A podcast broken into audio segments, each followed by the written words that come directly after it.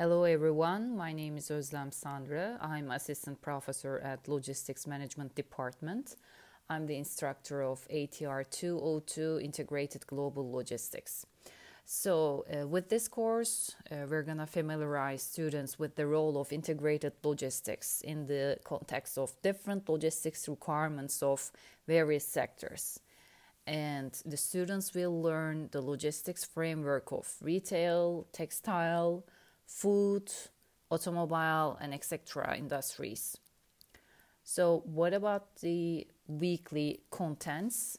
Uh, we're going to start by introduction to integrated global logistics concepts and continue with the basic concepts in logistics and the concept of supply chain management. And after that point, uh, we're going to continue our course uh, with specific industries. Our first specific industry is retail industry. Here we're going to focus on logistics in retail industry. And under that uh, topic, uh, on shelf availability in retailing uh, will be also provided.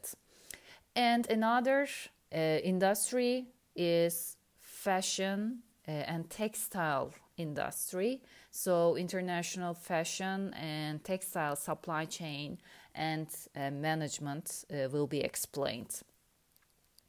Next industry is food supply chain management. So, uh, introduction to food supply chain management will be continued by um, food uh, logistics. And uh, the different industry is another different industry is automotive industry. Uh, here, uh, managing suppliers in automotive industry, and uh, we give a special importance to Toyota. Uh, so, uh, logistics in automotive industry will also be provided with a specific focus on Toyota.